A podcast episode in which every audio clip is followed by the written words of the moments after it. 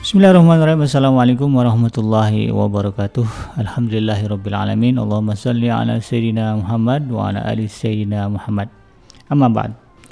Alhamdulillah kembali berjumpa di udara di gelombang 10 abad 4 AM iDream Radio Successful Muslim Family bersama saya Bikenji yang akan menemani Anda dalam program rutin kita yaitu uh, program ngaji from home di mana kita akan melanjutkan kajian kita bersama guru kita Al Ustad Abdullah Haidir LC dan alhamdulillah beliau sudah hadir ke tengah-tengah kita.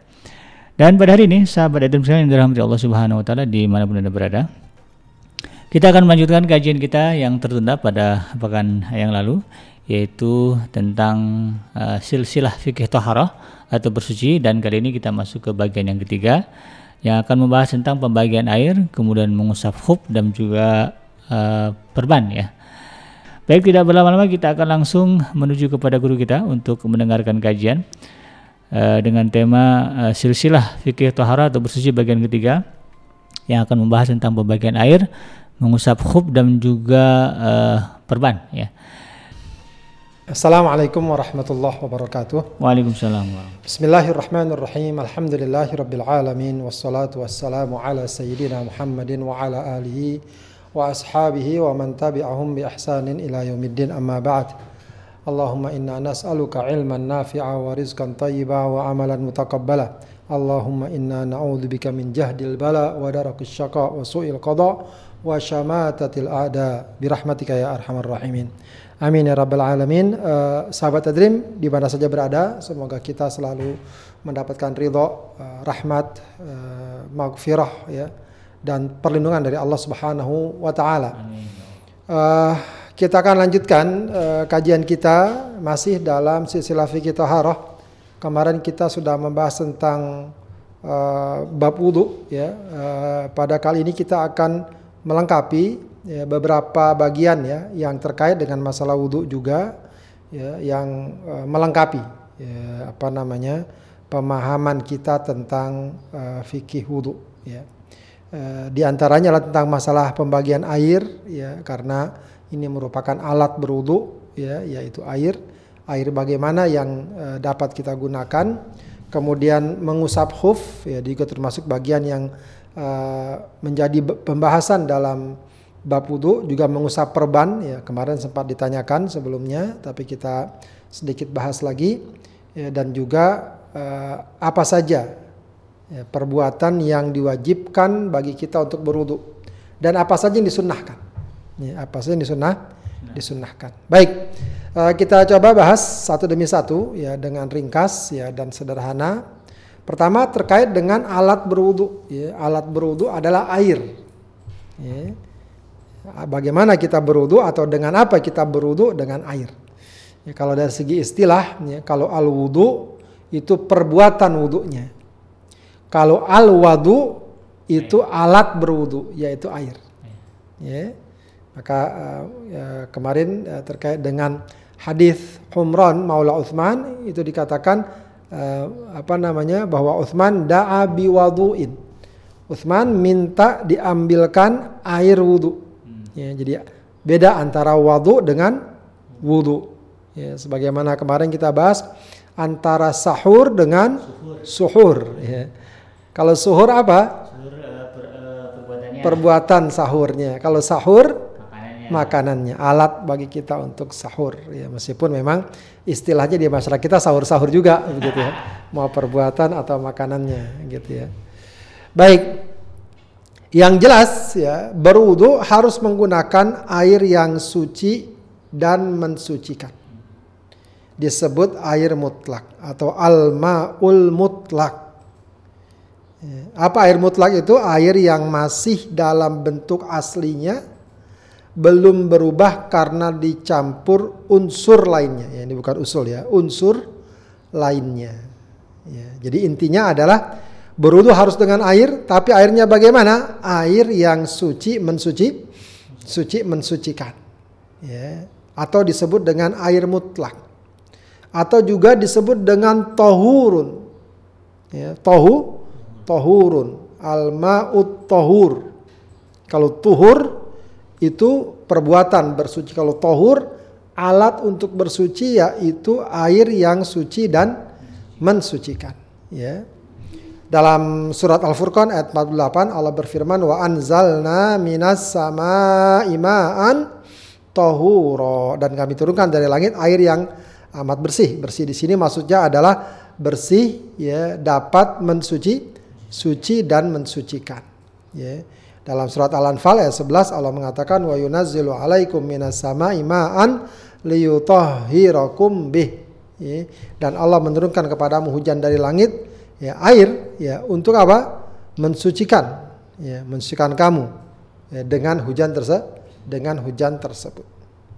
Dalam hadis riwayat Abu Daud dan Tirmidzi, Rasulullah pernah ditanya tentang laut, ya, air laut, maka beliau menjawab, "Huwa tahuru ma'uhu al-hillu maitatuhu."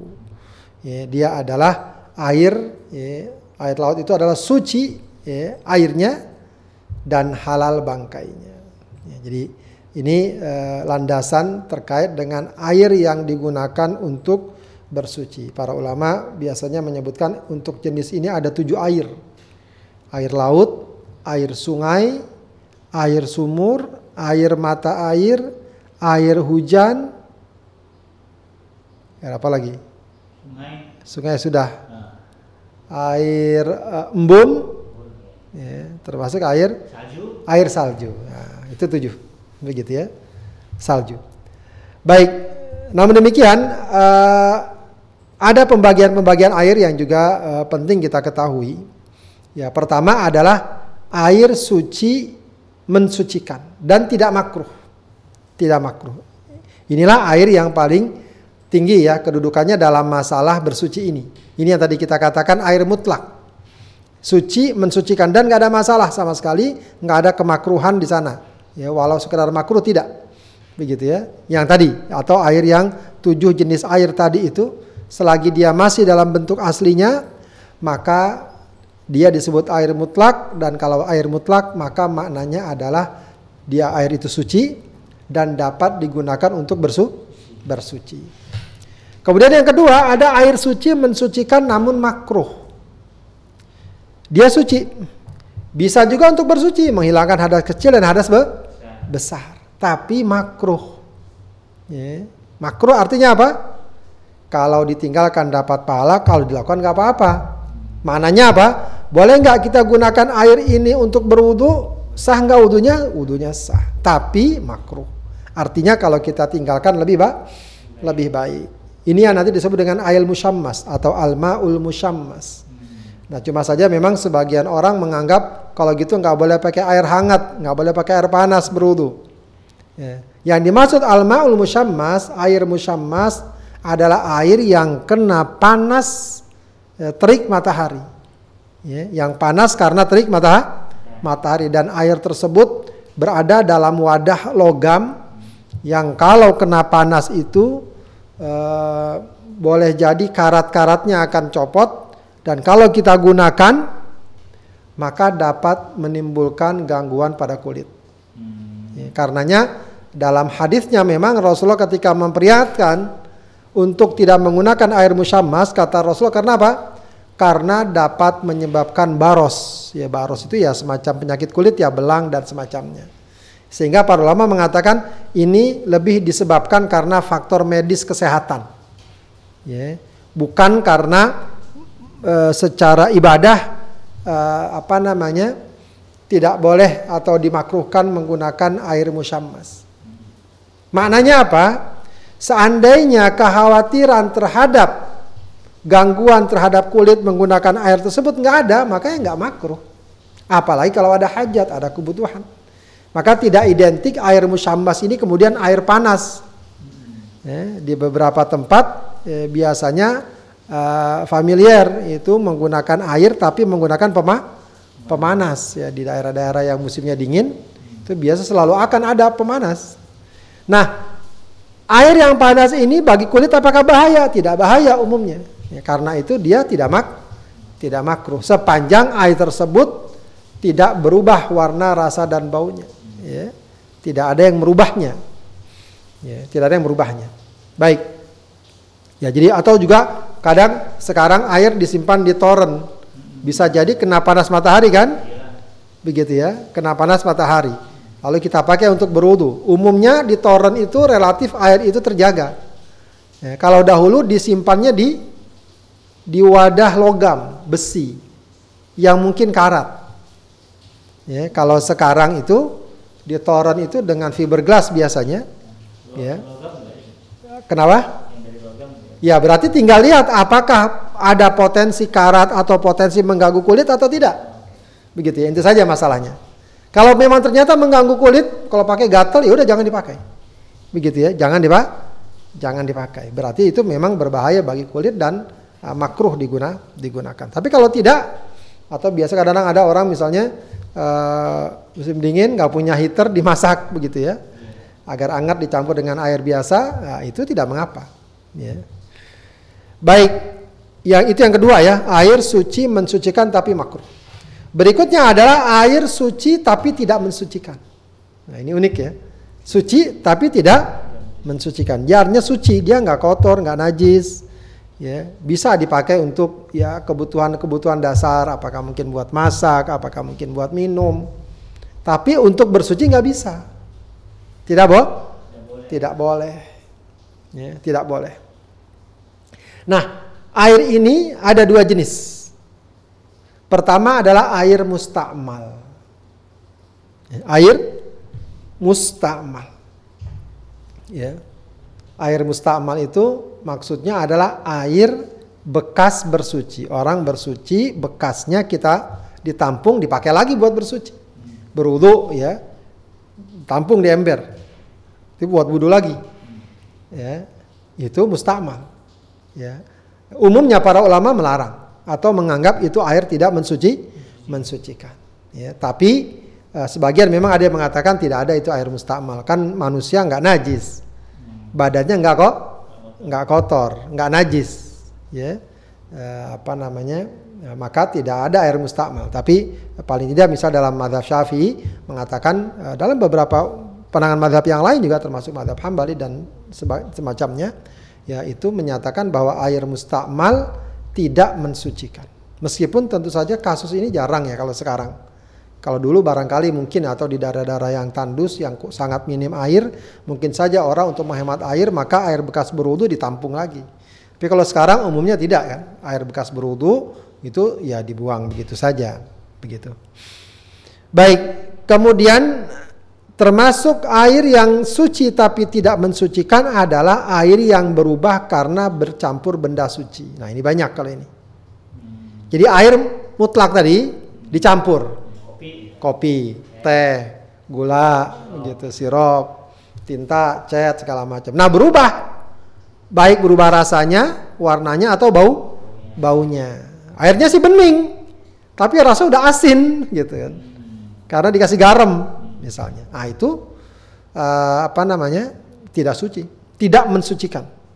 Suci tapi tidak mensucikan atau air teh, air apa begitu ya. Nah, itu jenis yang kedua. Ya, ini ada kalau hadisnya ini uh, riwayat Muslim la yagtasil ahadukum fil ma'id daim wa huwa junub.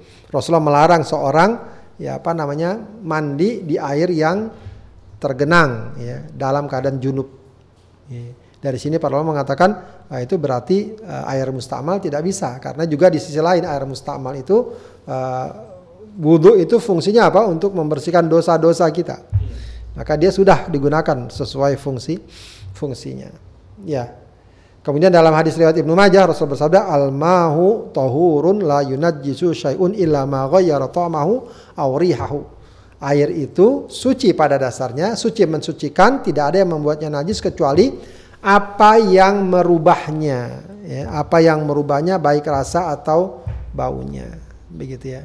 Jadi tergantung e, campurannya nih kalau suci dia suci, tapi tidak mensucikan. Kalau najis berarti dia najis, begitu ya dia najis. Baik yang ketiga adalah air najis.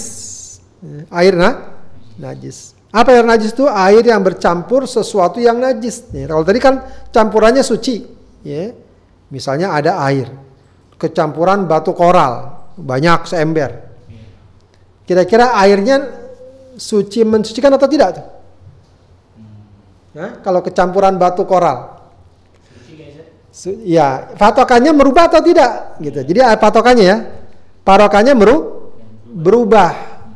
Kalau berubah berarti tidak mensucikan, suci tidak mensucikan. Tapi kalau nggak berubah, batu memang besar mas. Tapi kalau batu biasanya kan nggak mempengaruhi ah, air, nggak mau nggak mempengaruhi rasanya, warnanya atau bau baunya. Dia tetap jernih, dia tetap biasa. Nah itu tidak masalah, ya tidak masalah. Nah yang masalah juga adalah kalau bercampur najis, air terkena nah, najis. Nah air terkena najis ada dua macam. Ya. Apakah air itu sedikit atau banyak? Ini memang eh, menurut sebagian ulama ya dalam fikih syafi'i khususnya. Kalau air itu terkena najis, airnya sedikit, airnya sedikit. Apa batas sedikitnya itu? Kurang dari dua kulah. Kurang dari dua, kurang dari dua kulah. Ya, memang uh, hitungan dua kulah ini uh, banyak versinya ya, uh, sedikit, ada sedikit beberapa perbedaan.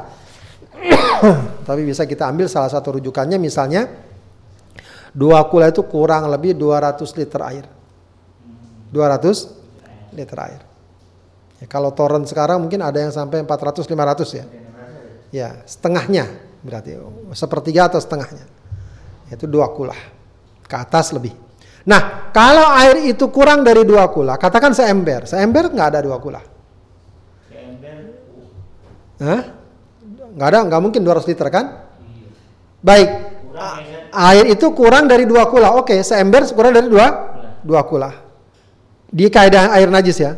Kalau air itu sedikit, sedikit ini apa tadi kaidahnya kurang dari dua kula. Terkena najis, maka air itu mutlak dikatakan air najis. Mau berubah atau tidak berubah. Paham nggak? Mungkin kena najisnya sedikit, seember. Kecipratan mungkin ada anak kecil kencing masuk situs di bagian. Airnya cuma seem seember. Bagaimana air tersebut? Air itu najis. Najis itu artinya apa artinya? Dia tidak suci, apalagi buat mensucikan. Ya, artinya apa? Nggak bisa dipakai buat minum, buat makan, buat apa namanya ngeteh atau nyuci baju. Kalau yang tadi air suci tidak mensucikan memang nggak bisa berwudu tapi bisa buat nyu, nyuci, buat minum, buat makan begitu ya. Kalau najis tidak. Berarti dia udah dikatakan sebagai air na air najis. Atau atau kalau dia kan airnya sedikit kan? Kurang dari dua kula. Ini airnya lebih dari dua kula. Terkena najis. Apakah menjadi air najis? Lihat dulu. Oh, ya. Lihat dulu. Kalau merubah warnanya atau rasa baunya, maka air nah air. Kalau tidak merubah, maka tidak nah najis. Nih, tadi dalam satu toren tadi jatuh najis. Berubah enggak? Kalau berubah oh berarti najis. Ya, misalnya kejatuhan bangkai tikus. Ya, biasanya bau lah ya. Nah, itu nggak bisa buat bersuci. Ya, tidak bisa ber, tidak bisa biasa suka ada tuh. Uh, tikus masuk toren pas kita tadahin kok bau bangkai ya nah itu udah nggak nggak suci berarti dia udah terkontaminasi terpengaruh terpengaruh begitu. Walaupun mungkin di toran itu airnya ba banyak.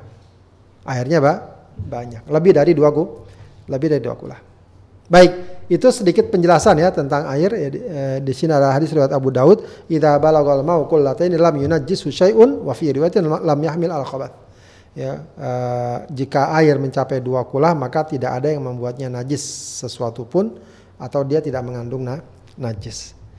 Begitu ya, jadi itu pembagian-pembagian air yang digunakan untuk berwudu baik kita lanjutkan kepada masalah berikutnya adalah masalah mashul khuffaini atau mengusap khuf. Jadi selalu akan kita dapati dalam kajian fikih ya kalau kita merujuk kepada fikih-fikih standar atau fikih-fikih apa namanya uh, maroji dasar itu biasanya setelah pembahasan wudhu ada pembahasan yaitu mashul khuffain.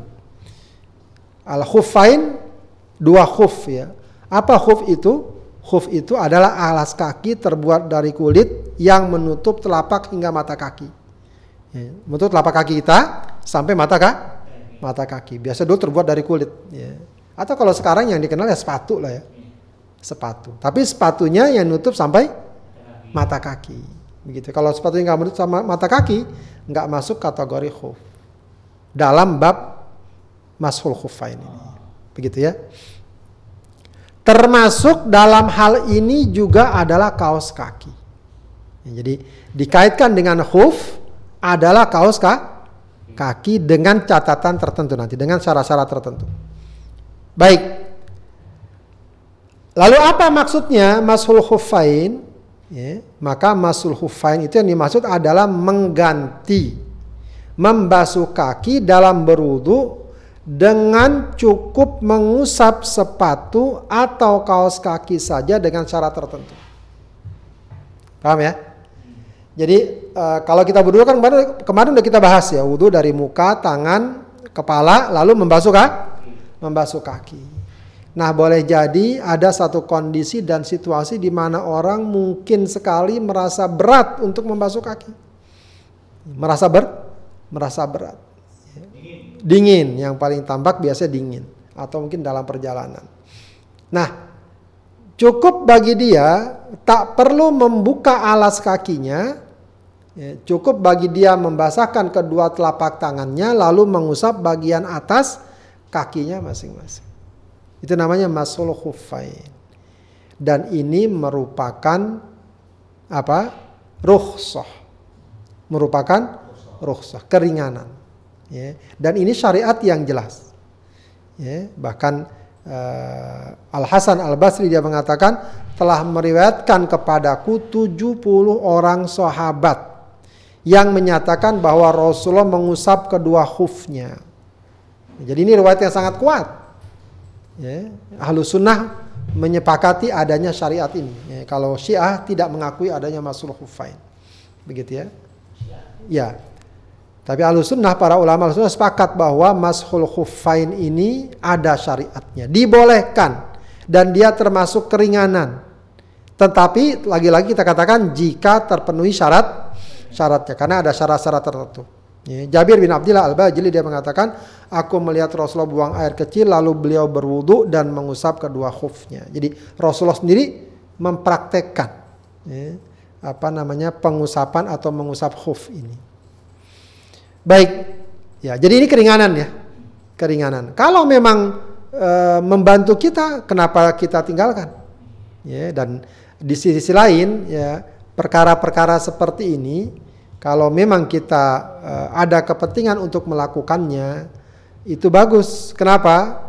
Karena e, kita dapat dikatakan memperkenalkan sunnah atau disebut ihya'us sunnah, menghidupkan sun sunnah. Sebab biasanya di tengah masyarakat ini kurang dikenal. Ya, karena mungkin pengajiannya nggak membahas ini. Atau kalaupun membahas, belum ada yang mempraktekkan. Ya, kalau ada yang mem, kalau belum ada yang mempraktekkan, orang juga jadi asing. Ya, mungkin Nabi Kenji sudah pernah nggak praktekkan? Nah, iya, artinya tidak semua orang kadang bisa atau sudah pernah mempraktek mempraktekkan sehingga sebagian orang bisa jadi tidak akrab dan tidak tidak familiar. Sehingga ketika kita melakukan itu di sisi lain ada aspek pengajaran atau memperkenal memperkenalkan ya, syariat Allah Subhanahu wa taala. Karena memang faktanya dalam beberapa kondisi dan situasi ya itu ya sangat dibutuhkan mengusap khuf itu. Kalau kita mungkin memang nggak belum kerasa ya. Apalagi kita di negara tropis ya jarang dingin ya. Coba ke negara-negara yang sangat dingin ya. Itu biasanya orang males buka kaos kaki. Seharian dia pakai kaos kaki aja dingin sekali. Karena dan biasanya bagian yang cukup dingin menentukan tuh kaki malah gitu. Kalau kaki kita hangat itu akan sedikit banyak uh, membantu kehangatan tuh kehangatan tubuh sehingga kalau kita mau berwudu ah itu berat kalau sampai buka lagi nanti basuh lagi Ya, nah ini sebenarnya bagian dari kemudahan dalam syari dalam syariat Islam. Baik. Apa saja syarat yang membuat seseorang boleh mengusap khuf? Ya. Pertama, ya, dipakai ketika berada dalam keadaan suci yang sempurna. Jadi, sebelum dia pakai khuf atau kaos kaki, dia berwudu lengkap sampai membasuh kaki memasuk kaki. Lalu dia pakai tuh kaos kakinya, sepatunya. Nah, kalau nanti misalnya ya di tengah jalan atau bagaimana 2-3 jam kemudian batal wudhunya kan? Batal wudhunya apakah buang angin, buang air. Nah ini memang repot kalau kita biasanya kalau buang air pastilah buka kaos kaki gitu kan. Rata-rata WC kita basah begitu. Padahal biasa kalau di beberapa negara, negara kering, bersih. Sehingga masuk WC pakai kaos kaki, pakai sendal itu biasa. Begitu ya. Tidak ada yang terbuang keluar. Nah, bahkan kadang-kadang nggak pakai air, cukup pakai ti, pakai tisu. Jadi kering sekali, ya, sehingga kaos kakinya tetap saja, ya tidak perlu dibuka. Begitu ya. Kesimpulannya adalah sebelum dia pakai kaos kaki atau sepatu, dia berwudu sempur, sempurna. Baik, nanti kemudian, ya, eh, ketika batal dan dia ingin sholat, dia kan harus berwudu. Nah dia nggak perlu buka kaos kakinya. Dia berwudu seperti biasa dari muka tangan kepala giliran kaki tidak perlu dibasuh. Cukup diusapkan saja. Nanti kita lihat.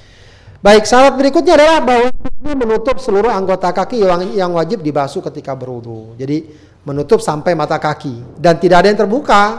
Ya apakah depannya belakangnya tidak terbuka? Tidak terbuka. Begitu ya. Kemudian khufnya rapat dan kuat dapat dipakai untuk berjalan. Ya maksudnya khufnya ini kalau dipakai tidak rusak dan rapat ya tidak bolong-bolong ya tidak tidak apa namanya ya longgar-longgar begitu ya.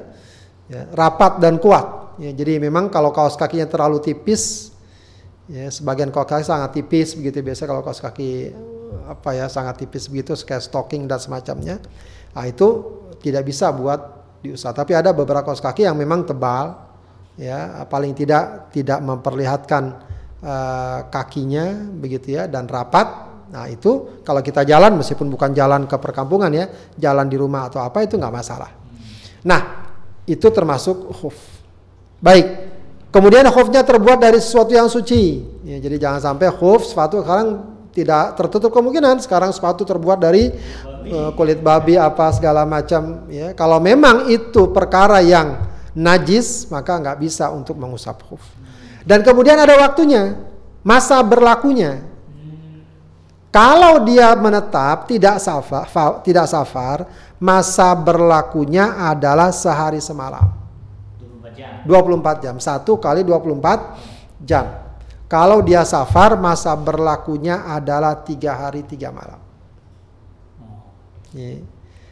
Kapan dia uh, apa namanya kapan dia mulai berlaku? Ya memang ada yang mengatakan dari sejak batal wudhunya atau dari sejak dia mulai mengusap khuf.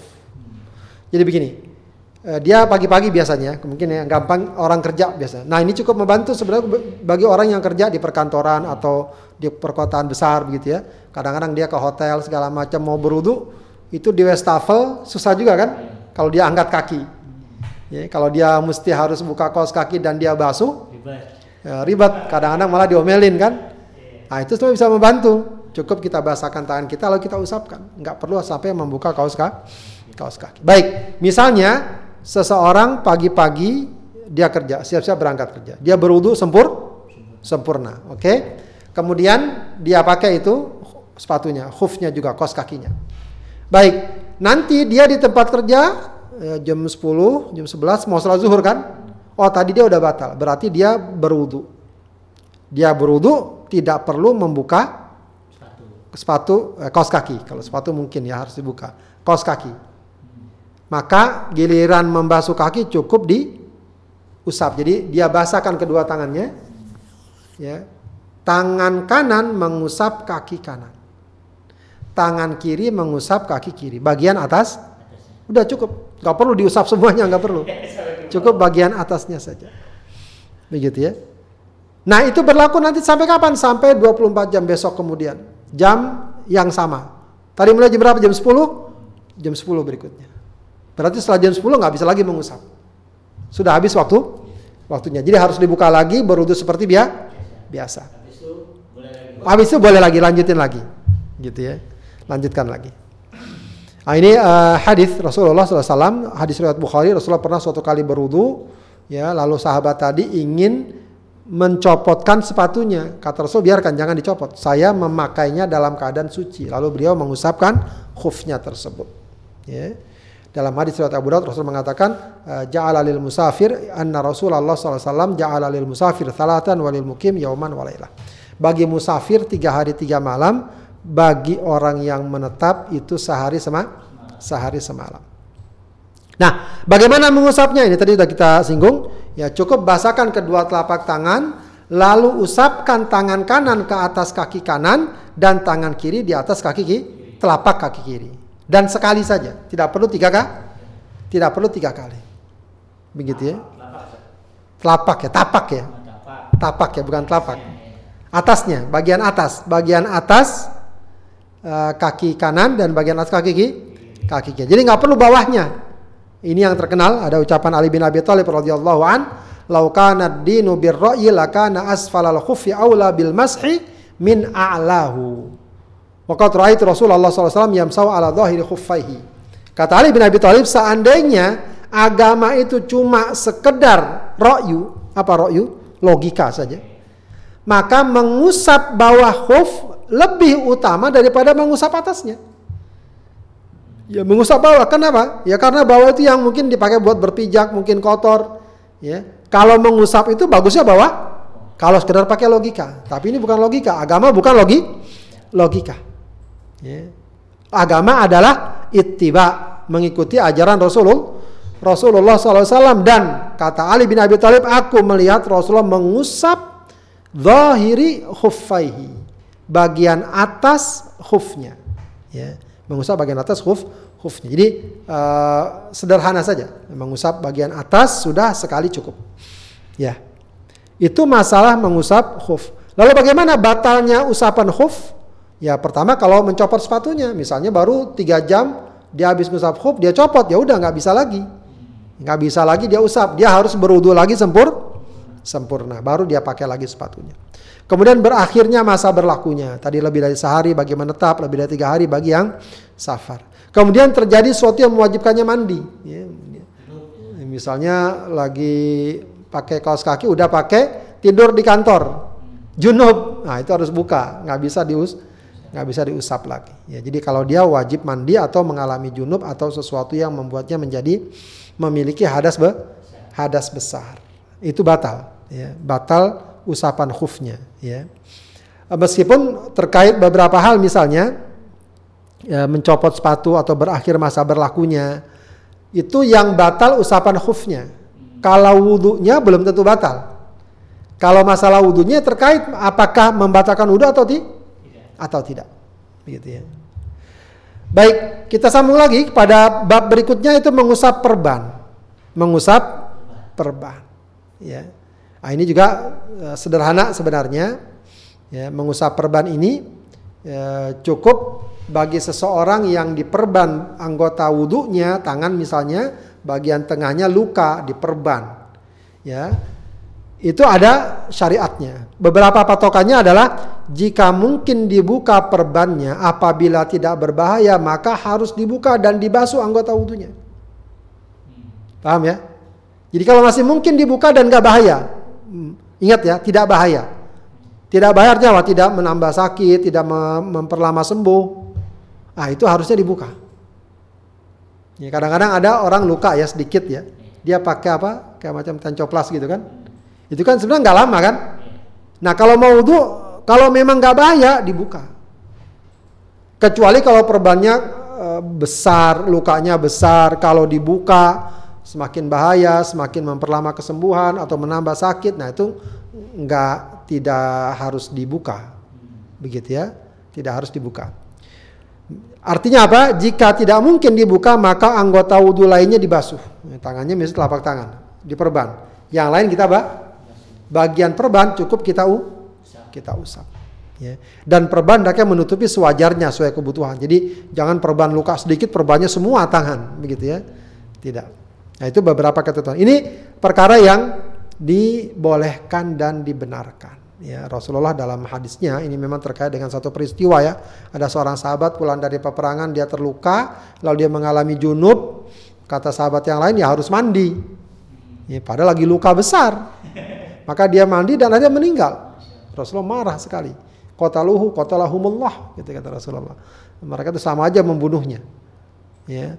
Kata Rasulullah, padahal cukup baginya bertayam, bertayamum. Ya. Dan membalut lukanya dengan kain, ya, kemudian mengusapnya, lalu membasuh seluruh tubuh tubuhnya. Jadi yang nggak diperban, diba, dibasuh. Yang diperban cukup diusap dengan tangan yang ba, yang basah. Begitu ya. Ini uh, masalah mengusap perban. Meskipun memang ada sebagian ulama dalam fikih syafi'i cukup ketat ya. Syarat pakai perban harus dalam keadaan suci. Ini mau dikaitkan dengan masalah masul khufain, begitu ya. Tapi ya berat, sebab kadang-kadang orang diperban nggak kepikiran berwudu, ya, apalagi kalau dia misalnya luka atau tidak sadarkan diri atau apa.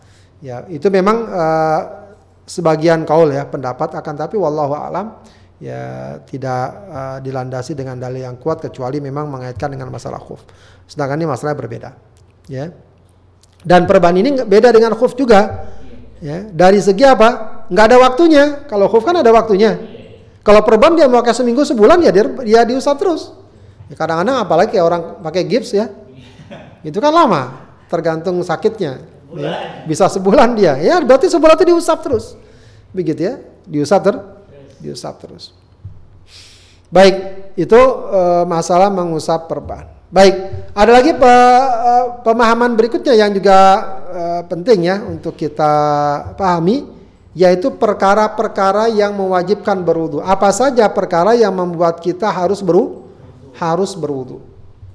Ya. Pertama jelas sholat ya, ini yang paling utama. Makanya sering kali pembahasan sholat itu didahului oleh pembahasan toharoh. Pembahasan toharoh itu didahului oleh pembahasan beru berwudu. Ya sebab dalam hadis riwayat Bukhari jelas Rasulullah mengatakan la yaqbalullahu salata adikum idza ahdatha hatta yatawadda Allah tidak menerima salat kalian apabila berhadas sebelum dia berwudu. Dan ini untuk salat apa saja? Ya salat jenazah salat tarawih salat istisqa apa saja salat harus berwudu. Ya Ya, jadi jangan sampai orang berpikiran nggak apa-apa kali nggak berwudu misalnya. Tidak. Ya, apalagi tidak ada uzur yang sangat uh, besar atau sangat berarti baginya, maka dia harus beru berwudu. Ya. Baik, kemudian tawaf. Ya, tawaf juga umumnya para ulama mengatakan harus dalam keadaan berwudu. Memang ada kaul yang mungkin sam, yang menyatakan tidak harus ya tidak syarat tapi yang kuat ya, eh, dan umumnya para ulama menyatakan syarat tawaf itu adalah berwudu. Kenapa? karena tawaf ini dianggap ya sama dengan sholat kedudukannya. At tawafu bil baiti sholatun illa Allah abaha fihil kalam. Ya tawaf di baitullah itu sholat. Ya, hanya saja kalau lagi tawaf boleh ngomong. Boleh berbicara? Berbicara. Orang kalau lagi sholat nggak boleh berbicara. Tapi kalau tawaf boleh bicara begitu ya. ya, ya artinya ini ingin memberikan kedudukan tentang tawaf ini atau wudhu ini ya, bagi tawaf uh, itu merupakan uh, syarat sah tawaf itu sendiri. Ya, makanya kadang-kadang bagi jamaah umroh atau haji itu memang harus diingatkan betul. Ya, kadang-kadang uh, jamaah ya, apalagi orang tua segala macam, apalagi berombongan gitu kan. Nah, itu kadang-kadang mereka suka takut ditinggal gitu ya. Kan kadang-kadang mungkin dari hotel agak jauh ya, jalan ke Masjidil Haram. Ya, sampai bicara mungkin aja dia batal, namanya orang jalan kan, orang kita apalagi. Nah, itu kadang-kadang bisa jadi ada sebagian orang, ntar kalau saya wudhu saya ketinggalan, begitu, atau dia malu, atau dia nggak tahu ilmunya, begitu. Itu penting. Makanya sebelum masuk Masjidil Haram diingatkan tuh kalau orang bawa rombongan, ayo siapa yang batal? Oh saya Pak Ustadz, Ustadz suka begitu. Ya, kalau batal silakan wudhu di samping Masjidil Haram kan banyak tuh, apa namanya toilet silakan berwudu dulu atau buang hajat dulu. Nanti kita tetapkan poinnya atau titik temunya di sini kita ngumpul lagi. Jadi memang e, harus telaten untuk hal tersebut. Jangan sampai dia enak-enak tawaf padahal dia udah ba sudah batal. Begitu. Kemudian menyentuh mushaf. Menyentuh mushaf juga diharuskan berwudu. Meskipun memang ada kaul yang mengatakan boleh menyentuh mushaf tanpa berwudu. Tapi pendapat yang kuat dan ini pendapat mayoritas ulama bahkan dikatakan semua madhab menyatakan bahwa menyentuh mushaf harus dengan berwudu. Begitu ya. Harus dengan berwudu. Dalam hadis dalam Al-Qur'an juga Allah katakan surat Al-Waqiah ya. innahu laqur'anun karim fi kitabim maknun la yamassuhu illal mutahharun. Ya, Quranul yang mulia dalam uh, catatan yang tersimpan dan tidak ada yang menyentuhnya kecuali orang yang suci. Ya. Artinya uh, di sini mengandung pemahaman uh, jangan menyentuh Al-Qur'an kalau belum bersu belum bersuci. Ya, meskipun wallahu alam ya kalau seandainya tiba-tiba lihat Al-Qur'an di bawah jatuh dia belum berwudu ya, dan sulit bagi berwudu ya ambil saja daripada misalnya dia Al-Qur'an diinjak atau uh, apa namanya uh, dinista dan semacamnya. Tapi secara normal hendaknya jangan menyentuh Al-Qur'an atau mushaf ya kecuali dalam keadaan beru berwudu. Dalam hadis yang juga cukup dikenal hadis riwayat Ibnu Hibban Al-Baihaqi Rasulullah juga mengirim surat kepada penduduk Yaman ya, kepada sahabat yang diutus ke Yaman dan mengirimku surat berpesan di antara pesannya adalah la yamassul qur'ana illa tahir. Ya, janganlah menyentuh Al-Qur'an ini ya, kecuali orang yang su yang suci. Kecuali orang yang suci. Ya meskipun memang nanti banyak pembahasan ya bagaimana kalau Al-Qur'annya nggak pure. Ya, yang terkenal misalnya terjemahan atau tafsir Para ulama mengatakan kalau memang yang dominan adalah bukan Al-Quran, maka tidak apa-apa, walau tidak berwudu. Termasuk Al-Quran terjemah atau tafsir itu, nah itu boleh kita pegang walau tidak beru, berwudu. Karena itu bukan Al-Quran, bukan mushaf. Ya. Bukan mus, bukan mushaf. Baik, uh, adapun perkara yang lain, ada perkara-perkara yang disunahkan berwudu. Ini sunnah. Kalau tadi wa, wajib. Pertama apa? Ketika hendak tidur. Ya ini bagus sekali ya kita kalau kita perhatikan masya Allah ya kita mengawali bangun tidur kita dengan wudhu dan sholat. Mengakhiri aktivitas kita wudhu dan sholat dan sholat. Ya, paling tidak kalau misalnya mungkin ibu-ibu ya biasanya sholat isya atau juga mungkin sholat witir. Ya. Dia baru atau dia mungkin nggak sholat ya, udah cukup lah sholatnya tapi Eh, sunnah tetap baginya beru berwudu ketika hendak ti, hendak tidur. Ya.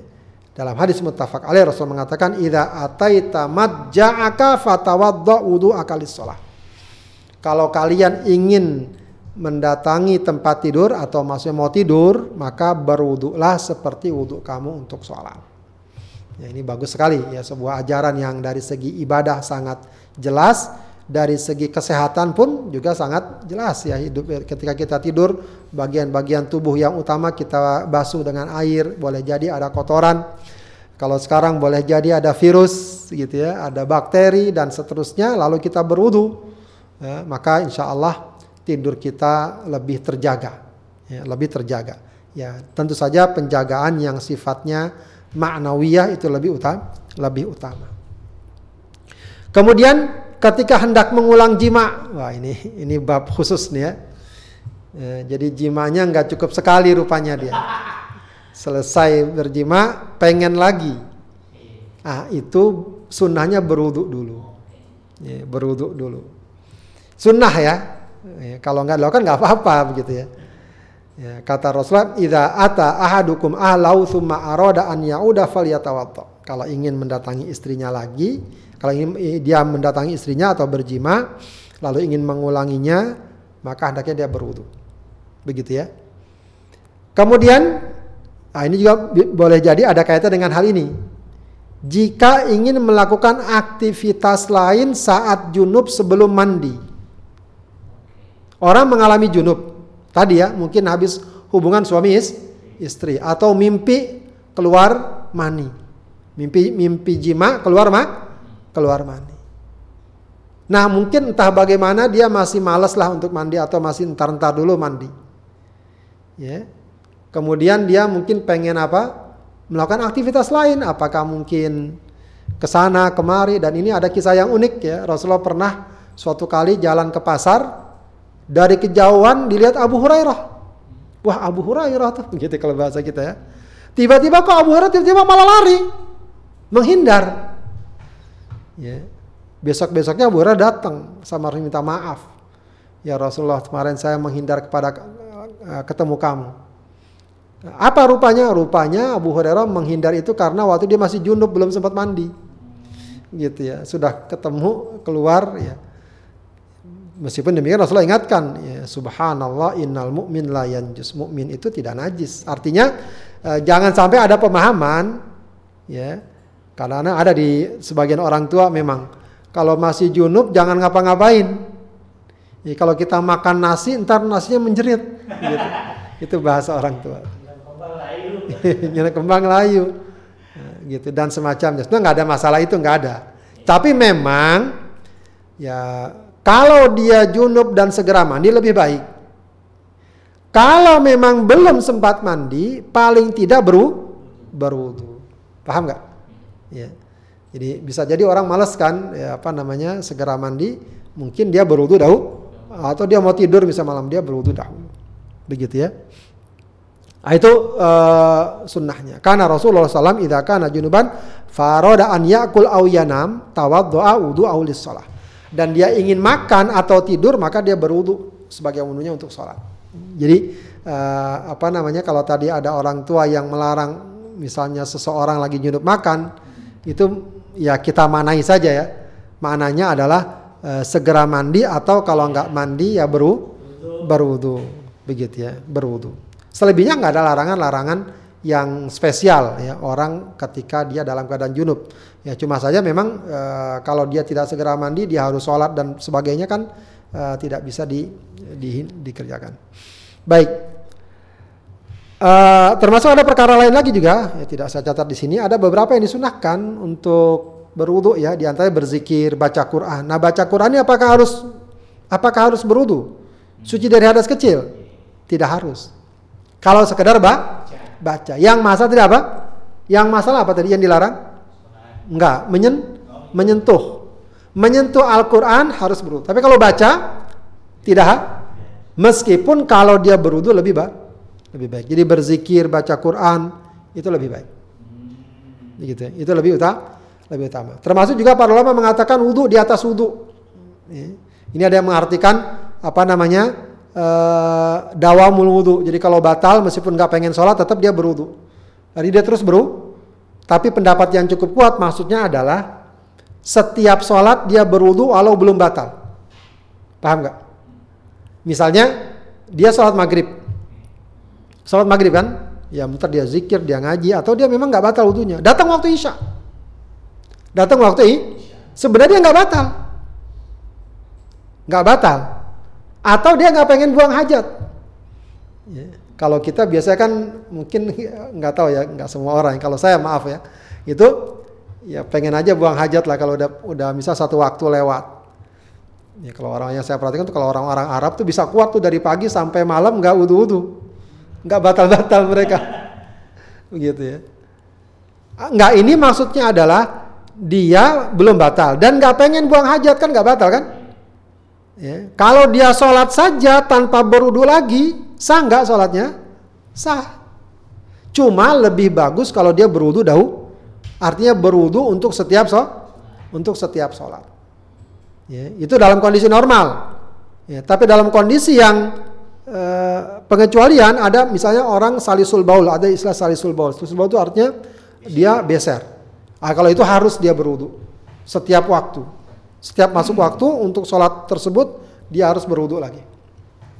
Ya, dia harus berwudu, berwudu lagi.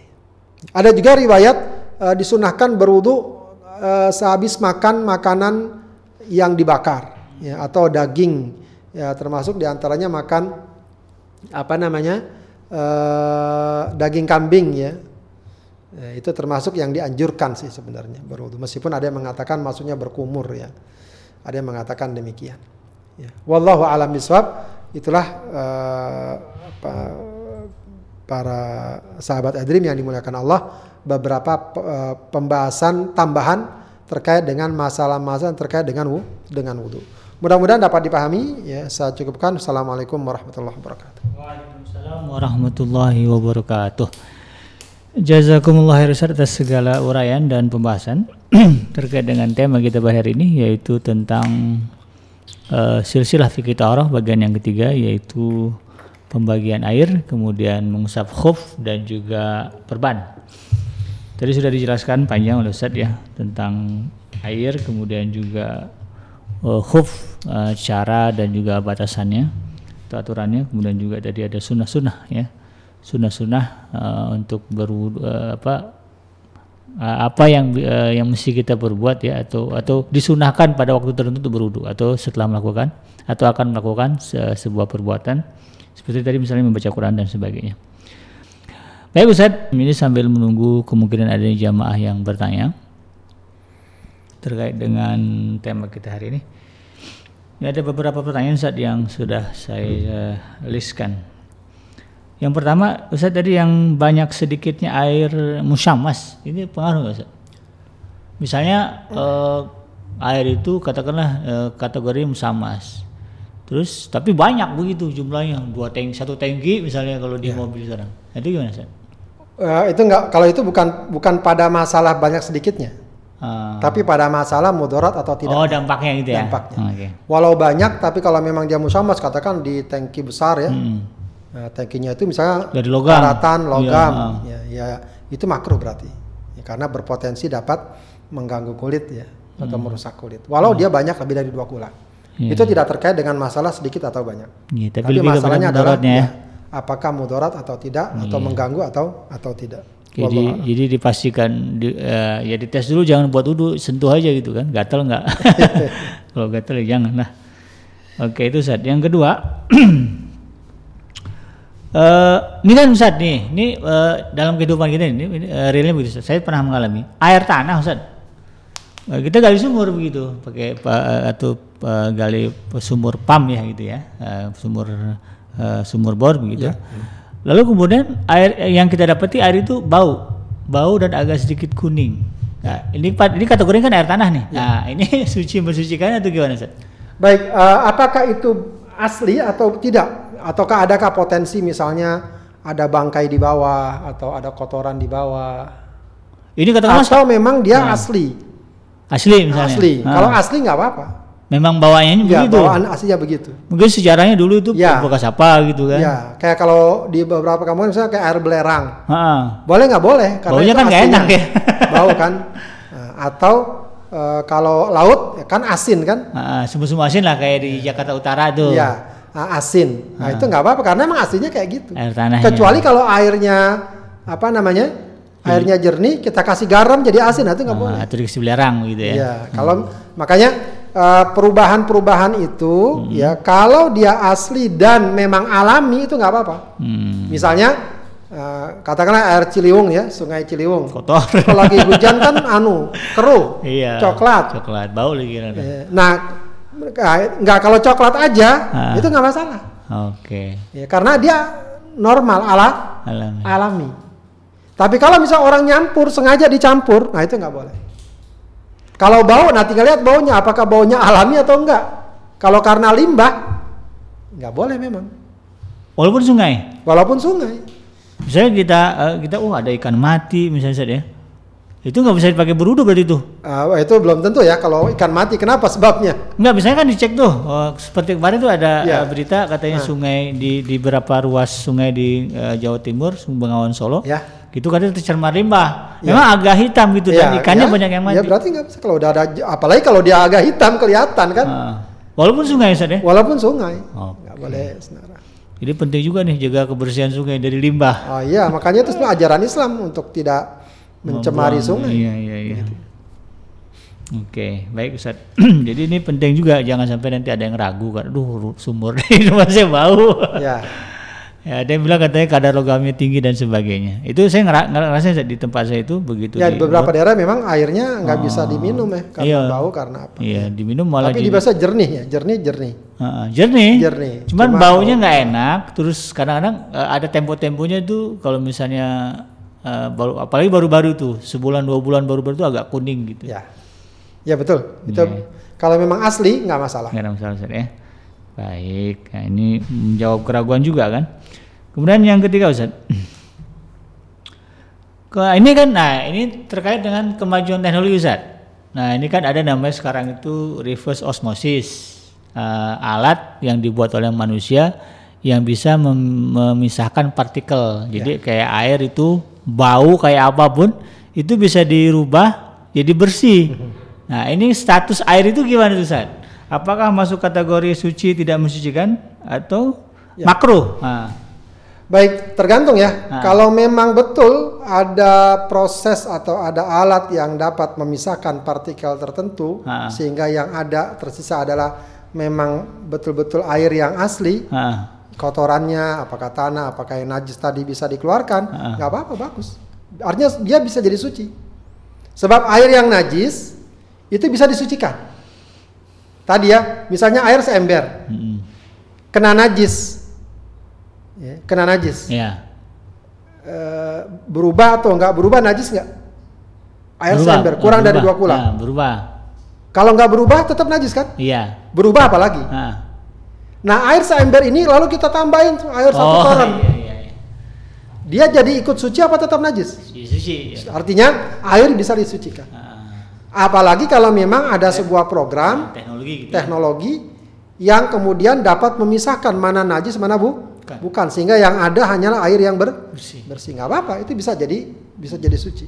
Di negara maju seperti Singapura begitu Ustaz. Mhm. Jadi airnya kan dia terbatas negaranya kecil gitu. Jadi air minum itu ya dari air limbah. Ya kalau memang betul-betul bisa di dipisah. Ya, betul-betul bisa dipisah ya nggak apa-apa. Siap. Asal jangan diingat-ingetin aja jadi. Itu juga eh, faktanya Ustaz di a- astronot maksudnya di eh, stasiun ruang angkasa. ya. eh, saya pernah lihat tayangannya memang ah, mereka nggak ada istilah air itu dibuang. Kencing, Diolah. berak itu diolah lagi. Jadi Iya. kata astronotnya kencing saya hari ini jadi kopi besok. jadi boleh Ustaz ya? Ya kalau memang betul dipastikan ya. Itu kan ma- nanti masalah Ya itu kan sampai hasilnya. bisa diminum saat itu. Berarti kan bersih. Eh, inilah eh, kemajuan teknologi kan. Eh, jadi eh, eh, tidak masalah kalau nanti mungkin anda di rumah punya alat ya yang bisa memisahkan air yang sudah kotor menjadi bersih lagi dan bisa di, di- dipakai untuk minum sebagai bukti ini bersih maka tidak masalah dijadikan untuk bersuci. Jadi statusnya suci saja. Ya. Itu yang ketiga dan yang ketiga. Dan ini ada lagi saat yang keempat. Eh, nih, misalnya saat situasinya begini, saya eh, lagi di sedang safar atau katakanlah bukan di tempat kita atau di tempat lain begitu kan. Mau bersuci, bersuci atau berwudu. I- Saya mendapati air satu ember. Tapi saya tidak tahu ini air mutanajis kah pernah. Tapi dari bau dan teksturnya kayak kelihatannya bersih gitu. Tapi kan kayak tadi itu kita nggak tahu apakah ada orang kencing kemudian kecipratan dan sebagainya. Nah air ini statusnya apa Zat? Boleh dipakai bersuci tidak? Kurang dari dua kula. ya. Baik, itu kaedah kayak gitu pakai kaedah al aslu aja. Oh gimana? Al aslu al asya al ibaha. Hmm, boleh. Ya, asalnya itu suci, asalnya itu boleh dan seterusnya. Hmm. Kan eh, apa namanya perkara dia apakah najis atau tidak itu kan masih keraguan ya. Iya. Ya bisa memakai kaedah al yakinu la yuzalu bisyak. Yakin yang diyakini itu segala sesuatu asalnya su Suci. suci. Najis itu biasanya perkara yang datang kemudian. Hmm. Ya, jadi kalau kita dapati air, kita ragu, sempat ragu ini ada najis atau tidak, tapi kita lihat fisik air itu tidak ada yang meragukan, jernih, biasa, nggak bau dan seterusnya. Maka bisa kita ambil patokan oh berarti sesuai atau kembali kepada asalnya dan dasarnya maka air itu su Suci. Ya. Jadi, jadi bisa dipakai Ustaz ya. Ya bisa dipakai. Selagi memang kita tidak tahu gitu ya. Ya. Eh, Kadang-kadang di rumah juga gitu gitu Ustaz. Kalau yang rumahnya nampung pakai ember kan kita nggak tahu tuh. Ya, Pulang dari mana-mana ada air sampai dibuang kan sayang. betul. Terus kita Termasuk juga kalau kita misalnya lagi jalan kecipratan air segala macam. Heeh. Terus kita ini najis nggak? Nggak Iya, perlu iya. kita ini. Betul. Asalnya suci. Perkara itu mungkin air jalanan kotor kan nggak mesti najis. Iya. Yang kotor itu nggak mesti nah, Najis. najis begitu. Jadi nggak nggak kalau kita nggak tahu kita kembali kepada Iya. kaidah dasar. Saya pernah tuh ketemu orang yang saya ajak sholat, maaf pak baju saya tadi gini-gini kecipratan ini. Nah jadi Ya belum tentu. akhirnya dia nggak mau sholat. Kadang-kadang gitu. ada orang kecipratan di kamar mandi, belum tentu kecipratan kamar mandi Iya. najis. Ya, kan bisa saja orang najis sudah dibersihkan, sudah disiram dan seterusnya. Siap, siap. Baik. Itu yang keempat Ustaz. Eh, ada lagi Ustaz yang kelima. Hmm.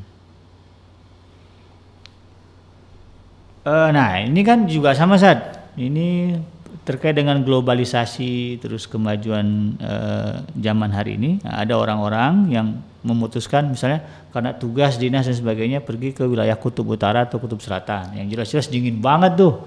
ya Ustaz ya.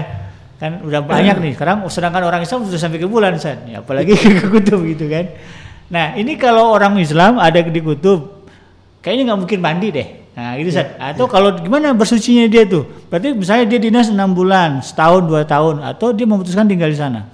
Berarti cara dia bersuci itu gimana Ustaz? Nggak Kalau- mungkin. Mandi kenapa? Ya, karena dikit banget kan? Kan bisa diangetin nggak bisa. Sana ini nih guys nih misalnya dia nggak ketemu pemanas air gitu kan selama listrik ya listrik harus dihemat-hemat gitu kan Nah, Iya, iya. sehingga kemudian menyebabkan dia kayaknya tidak mungkin nih mandi kalau di junub misalnya kan atau perempuan kalau ada haid misalnya kan tidak mungkin dia bersuci nah ini hukumnya seperti apa Ustaz? Ya, ya semua dikaitkan kepada apa yang sudah Allah gariskan ya. Fattakullaha mastata'tum. Ah, oke Bertakwalah kalian semampu kalian. Kalau seandainya dia berwudu atau mandi dalam kondisi seperti itu berbahaya, Hmm, ya membahayakan ya. Sebab harus dibedakan ya. Faktor membahayakan dengan faktor berbahaya apa istilahnya? Males gitu atau ah iya iya dingin atau apa begitu ya.